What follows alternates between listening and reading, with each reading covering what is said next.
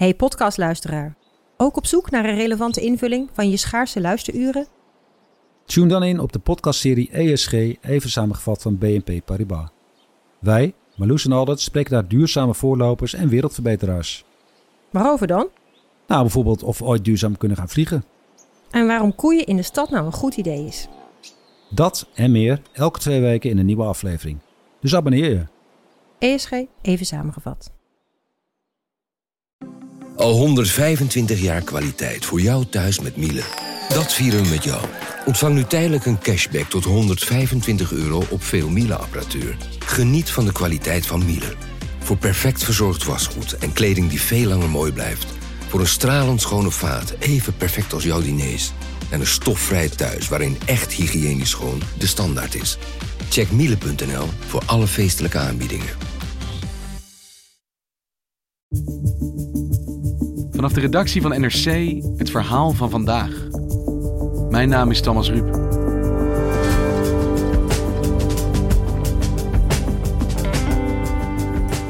In het noorden van Nederland woedde de afgelopen jaren een strijd. Tussen de laarsjes en de raketjes. En de 148 andere soorten inhalers die er bestaan voor astmapatiënten. Het gevolg? Dokters die niet meer weten wat ze moeten voorschrijven en patiënten die niet snappen hoe ze een medicijn moeten gebruiken. Vandaag een verhaal over schurende belangen van artsen, apothekers en farmaceuten. En de patiënt die daar tussenin zit.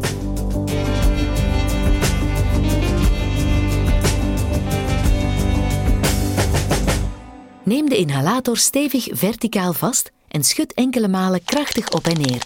Verwijder de beschermdop van de inhalator. Houd de inhalator verticaal rechtop. Ik heb er eentje in mijn auto. Ik heb er eentje in mijn rugzak. Ik heb er eentje in mijn nachtkastje. Ik heb er eentje in de medicijnkast liggen. Uh, en er ligt er eentje in de vensterbank beneden. Karel Berghout is binnenlandredacteur en astmapatiënt. Hij maakte dit verhaal samen met Jeroen Wester. Het is niet handig om het in je broekzak te doen, hoewel sommige mensen dat ook wel zullen doen. Je broekzak is natuurlijk een ruige omgeving. Kijk maar wat je doet met je telefoon. En je bent natuurlijk heel voorzichtig met dit apparaatje. Recht je rug. Hou de inhalator weg van je mond en adem rustig en bijna volledig uit.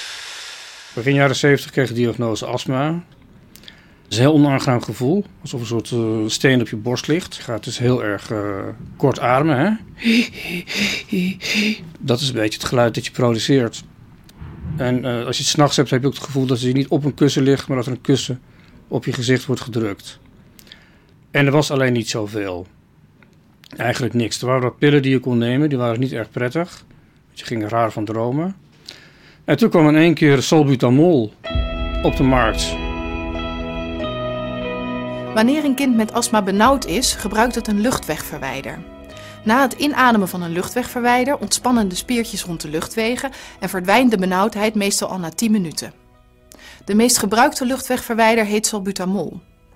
Een luchtwegverwijder helpt soms ook goed bij baby's, peuters of kleuters die benauwd zijn door een verkoudheid die op de longen slaat. Het is een wonder. Ik kan niet anders zeggen. Salbutamol is ongelooflijk. Je puft het in en de benauwdheid is binnen een kwartier, 20 minuten verdwenen. Het bestaat uit een metalen busje met vulling en een plastic houder. Ik weet toch dat ik het probeerde, ja. Ik kreeg altijd naast, omdat je zo benauwd werd, altijd een soort paniek. En ik had dus weer dezelfde paniek. Ik heb toen toch gepuft. Dat ging toch met een capsule die je moest kapot draaien. En ik ademde het poeder in. Het, het was toen een poeder, nu niet meer.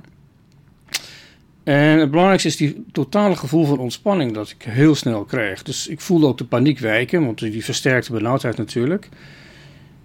Ja, en je voelt je alsof inderdaad een kussen van je hoofd wordt afgetrokken. En voor een kind dat moet gaan slapen was dat een uh, enorme opluchting. Dat is wat ik me herinner. En ik kon gewoon weer gaan, uh, gaan voetballen, wat ik het liefste deed. Blijft de benauwdheid na een aantal weken helemaal weg, dan kunt u stoppen met de luchtwegverwijder.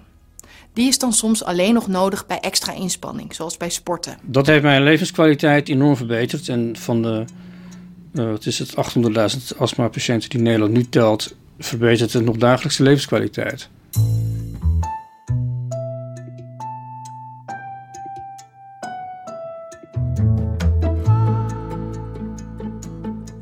Eind 2018, dus in december, nou iedereen wordt verkouden. Ik dus ook. Alleen voor mensen met astma gebeurt er meestal nog iets anders. Namelijk dat je vanaf dat moment denkt, ik kan bronchitis krijgen. En ik kreeg bronchitis. Uh, dat is ontsteking van de luchtwegen. Dat wil zeggen, nog extra benauwd. En je weet ook, als ik niet snel ingrijp, dan uh, krijg ik longontsteking. Nou, ik was er redelijk snel bij. Dus ik verwachtte, ik krijg weer het raketje. Dus een raketvormig apparaatje waarmee je, uh, dat je één keer een slag draait, in je mond stopt en inademt. En dan doe je dan twee keer per dag. Goed, ik verwachtte dus het raketje te krijgen, maar dat krijg ik al jaren in dat soort gevallen. Dat is uh, dat wat een beetje lijkt wat hier staat. Die, uh, ja, dat lijkt wat hier staat. Het is van dezelfde fabrikant. Het is alleen nog iets langer en het is rood. Dit is dan weer. Het is nog iets raketachtiger dan deze. Ja, het is een stuk raketachtiger nog. Het is een prima ding. Maar nu kreeg ik iets anders. De huisarts die zei: Ja, we hebben iets anders. Het is hetzelfde spul, maar het heeft een andere toedieningsvorm. Dat was het laarsje van een andere fabrikant. Het laarsje is van uh, jongere datum. Het zal nu een jaar of acht op de markt zijn, denk ik. Het laarsje is ook wat we hier hebben liggen. Het is ja. Dus, ja, een cilinder met een uitsteeksel eigenlijk. Het lijkt op een laarsje en zeg maar de neus van de laars klap je om. Draai de gekleurde draaigreep zo ver mogelijk naar de ene kant. Je zet je mond aan de tuit. Neem het mondstuk voorzichtig tussen uw tanden en sluit uw lippen om het mondstuk. Je ademt in, je klapt hem weer dicht en dan wordt er automatisch weer een nieuwe dosis uh, samengesteld. U krijgt het geneesmiddel binnen, maar u proeft hierbij vrijwel niets. Je krijgt bronchitis en dat is nou ja, niet voor het eerst. Het is bijna een, een routine als ik je zo hoor. Dus je gaat naar de huisarts en je verwacht, je krijgt mijn uh, trouwe raketje. En opeens zegt de huisarts tegen jou, nee, vanaf nu krijg je iets anders. Ja, en hij zei het met tegenzin, want hij zei, ik vind die nieuwe toedieningsvorm minder handig. Maar als hij die minder handig vindt, waarom krijg je dan iets anders? Dat is een goede vraag, die stelde ik mijzelf op dat moment ook. Dus dat ben ik in feite gaan uitzoeken.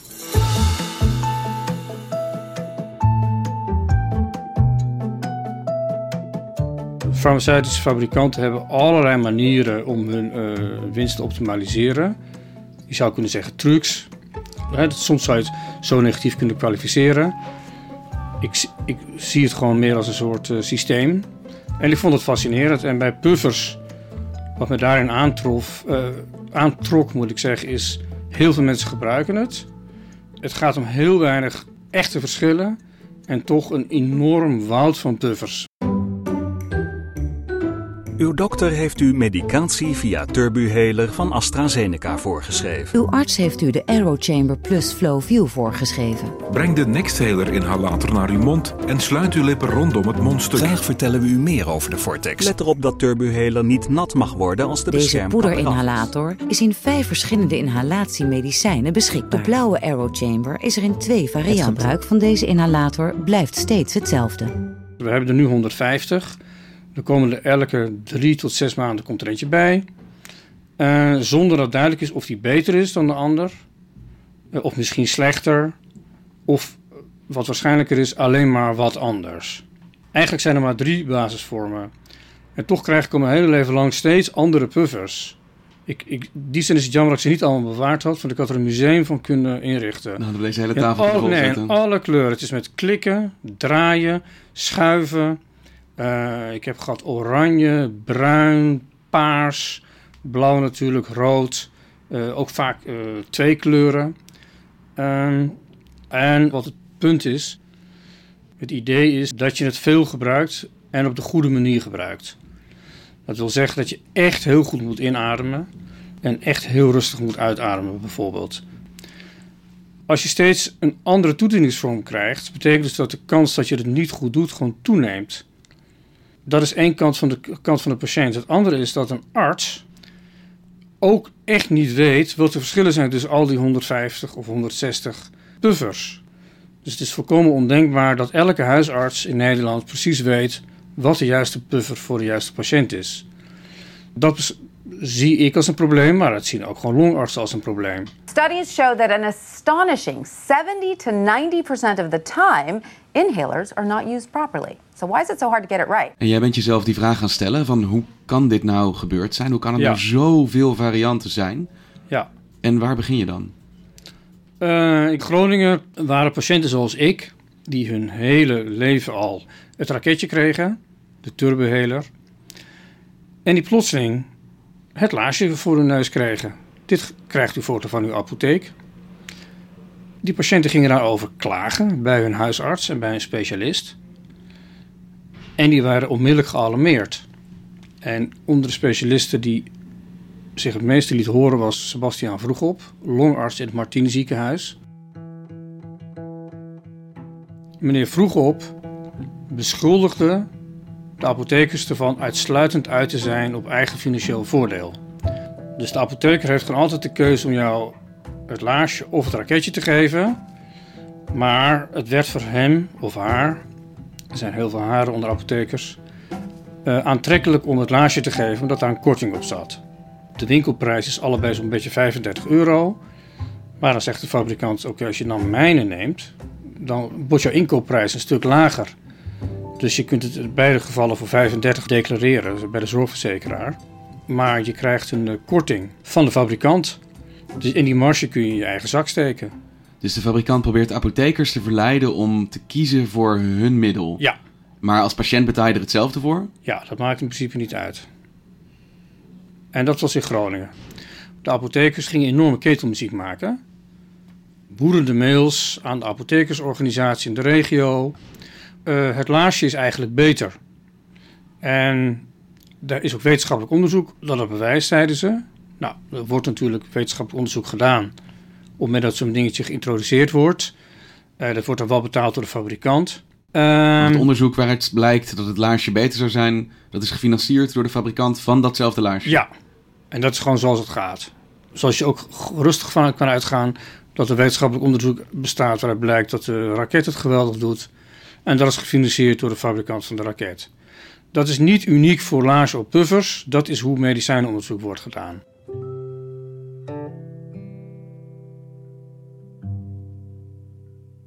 De apotheker ging niet in op de uh, opmerking over hun financiële voordeel, althans niet rechtstreeks.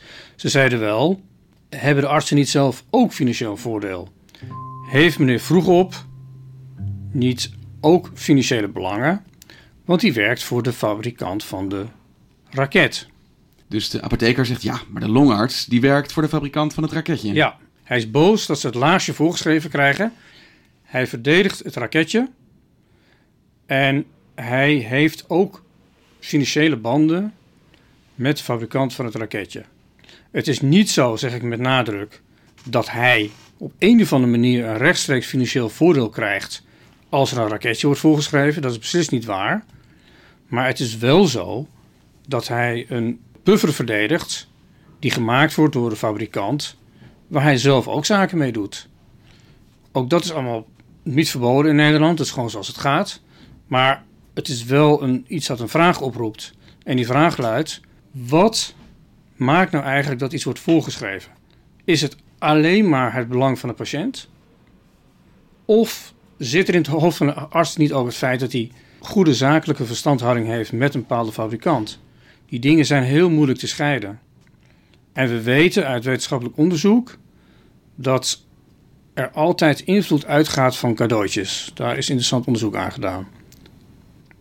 En wat voor invloed uh, bedoel je? Dan? Nou, ze hebben bijvoorbeeld gekeken naar uh, als je een dinertje betaalt voor artsen. En het is dan maar voor 25 dollar per persoon. Dus het gaat helemaal niet om dure etentjes. Dan hebben ze gemeten of iemand dan positiever gaat denken over degene die dat etentje heeft aangeboden. En dat blijkt zo te zijn.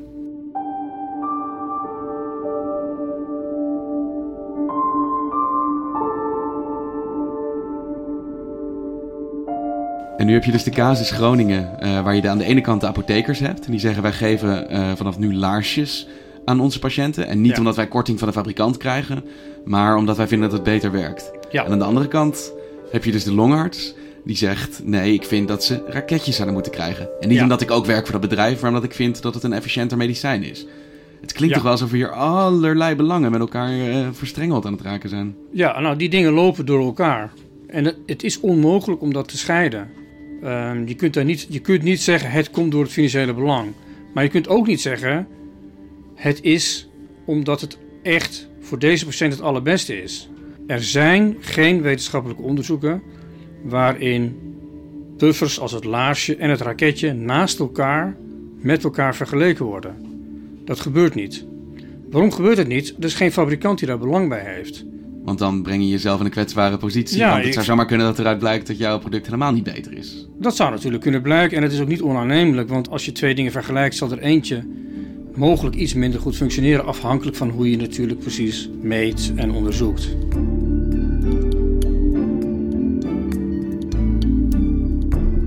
En terug naar Groningen. We hebben hier de longarts vroeg op aan de ene kant. Ja. En die zegt raketje. We hebben de apothekers aan de andere kant en die zeggen laarsje. Wie Ja. heeft hier dan gelijk? In Groningen is het uiteindelijk, eh, zoals dat gaat in Nederland, weggepolderd. Daar hebben de apothekers bakzeil gehaald. Dus als longpatiënt in Groningen krijg je nu weer een raketje. Eh, ja, Belangrijke extra informatie. Sluit je mond en hou je adem op gedurende 5 à 10 seconden.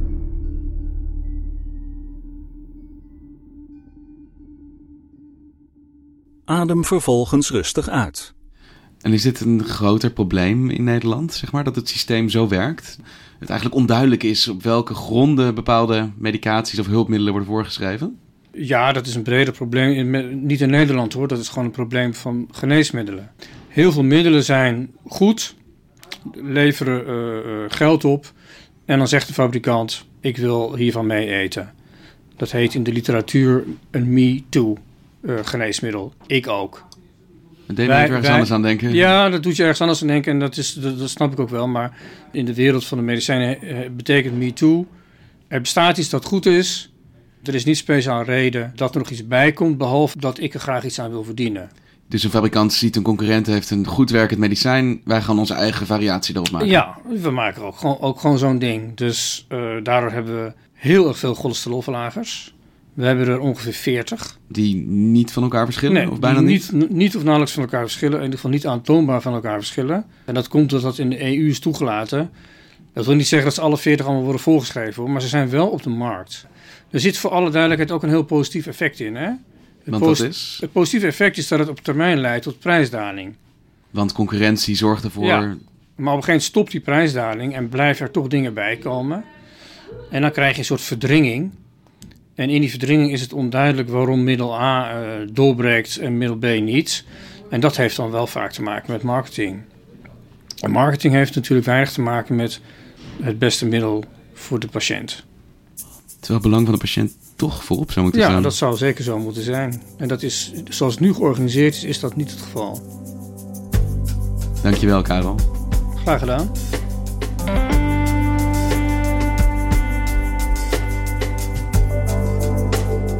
Je luisterde naar Vandaag, een podcast van NRC. Eén verhaal, elke dag. In een eerdere versie van deze aflevering waren fragmenten van een opname te horen zonder toestemming van de betrokkenen. Dat had natuurlijk nooit mogen gebeuren en die zijn dan ook uit deze versie die je net hoorde verwijderd. Dit was vandaag, morgen weer.